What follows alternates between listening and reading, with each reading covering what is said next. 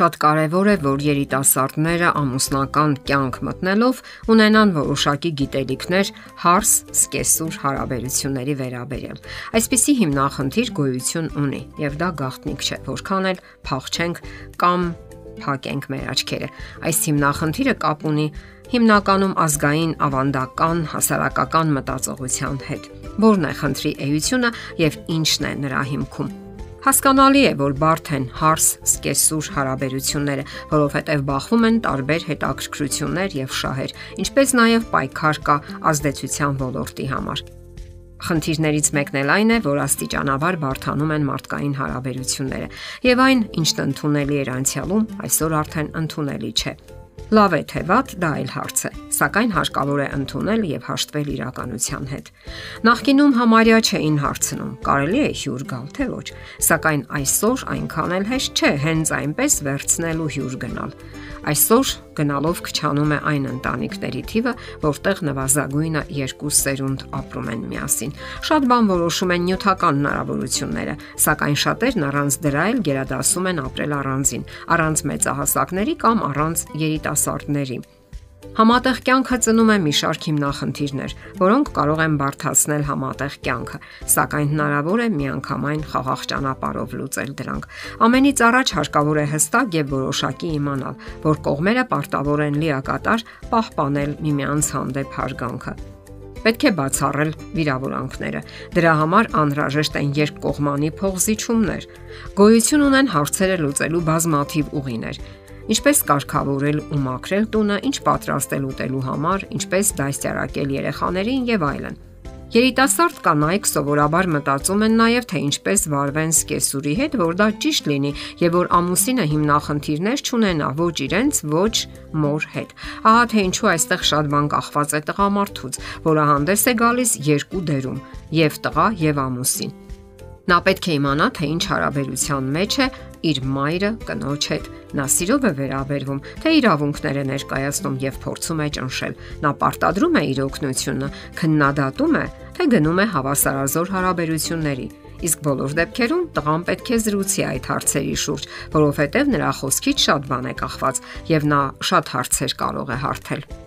Եթե զույգը ընտրում է համատեղ ապրելը, ուրեմն պետք է գնալ հստակ եւ որոշակի պայմանավորվածությունների։ Պետք է որոշվի, թե ինչն է ընդունելի եւ ինչը ոչ։ Եթե կոնկրետ չի ասվում ինչ որ բան, դիմասինը կարող է պարզապես չիմանալ այդ մասին։ Շատ դեպքերում կողմերը ոչ թե նպատակային գնում են հիմնախնդիրների կամ սրում են իրավիճակը, այլ պարզապես չեն պատկերացնում, թե ինչը կարող է նյարդայնացնել կամ հունից հանել դիմասինին։ Չգիտեն, թե ինչ է մտածում նա այս կամ այն հարցի վերաբերյալ վերաբերյալ։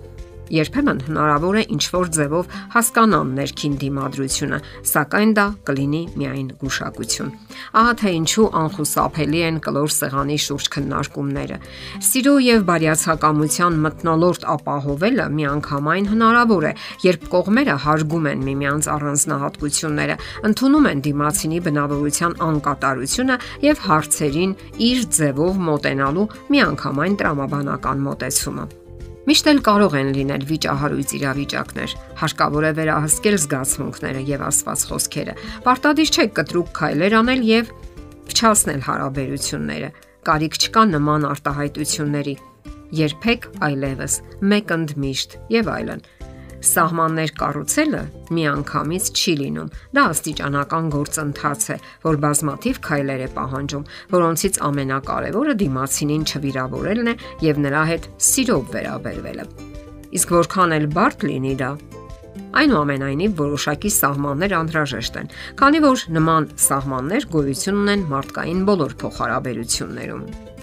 Ցանկացած մարդկային հարաբերություն, թե մեծ շինության կառուցում սկսվում է հիմքից։ Եթե առանձին եք ապրում եւ այցելության կարիք կա, կոնկրետ պայմանավորվեք։ Կա օգնության խնդիր, դարձյալ կոնկրետ։ Ինչպիսի օգնության մասին է խոսքը, երբ եւ ինչպես։ Ոչ մեկը չպետք է իրեն ավելորդ զգա, ինչպես նաեւ ամեն մեկը պետք է իրեն կարևոր ու գնահատված զգա։ Եթե կողմերից մեկն ասում է, որ հարկավոր է խնայողություն դրսևորել, ընդունեք դա ոչ թե որպես քննադատություն կամ հանդիմանություն, այլ որպես մտահոգություն հենց ձեր իսկ ընտանիքի համար։ Ուրեմն նա մտահոգված է ձեր միության եւ ընտանեկան բարգավաճման համար իսկ միգուցե տարեց ծնողը միայնություն է զգում եւ ցանկանում ցանկանում է շփվել ձեզ հետ, հնարավոր է նախկինում հոգացել են նրա համար եւ նա գտնվել է ուշադրության կենտրոնում, իսկ այժմ իրեն միայնակ է զգում։ Սա լուրջ հարց է եւ արժանի ամենայն ուշադրության։ Երբեմն նրան թվում է, թե երիտասարդները դեռևս խնամքի ու հետևելու կարիք են զգում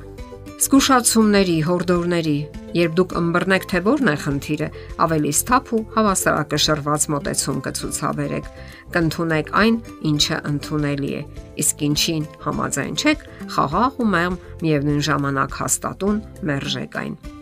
Եվ հիշեք, որ միշտ էլ գալիս է մի պահ, երբ տարեցները հայտնվում են խոցելի վիճակում եւ կարիք են ունենում խնամքի ու հոգատարության, թե հոգեբանական եւ թե նյութական առումով Այստեղ արդեն խոսքը վերաբերում է երիտասարդներին, որ նրանք պարտավոր են հոգալ տարեց ծնողների մասին, եւ դա միանշանակ է։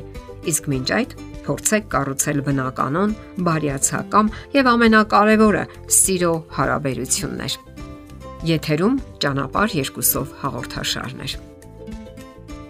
Հարցերի եւ առաջարկությունների համար զանգահարել 033 87 87 87 հեռախոսահամարով։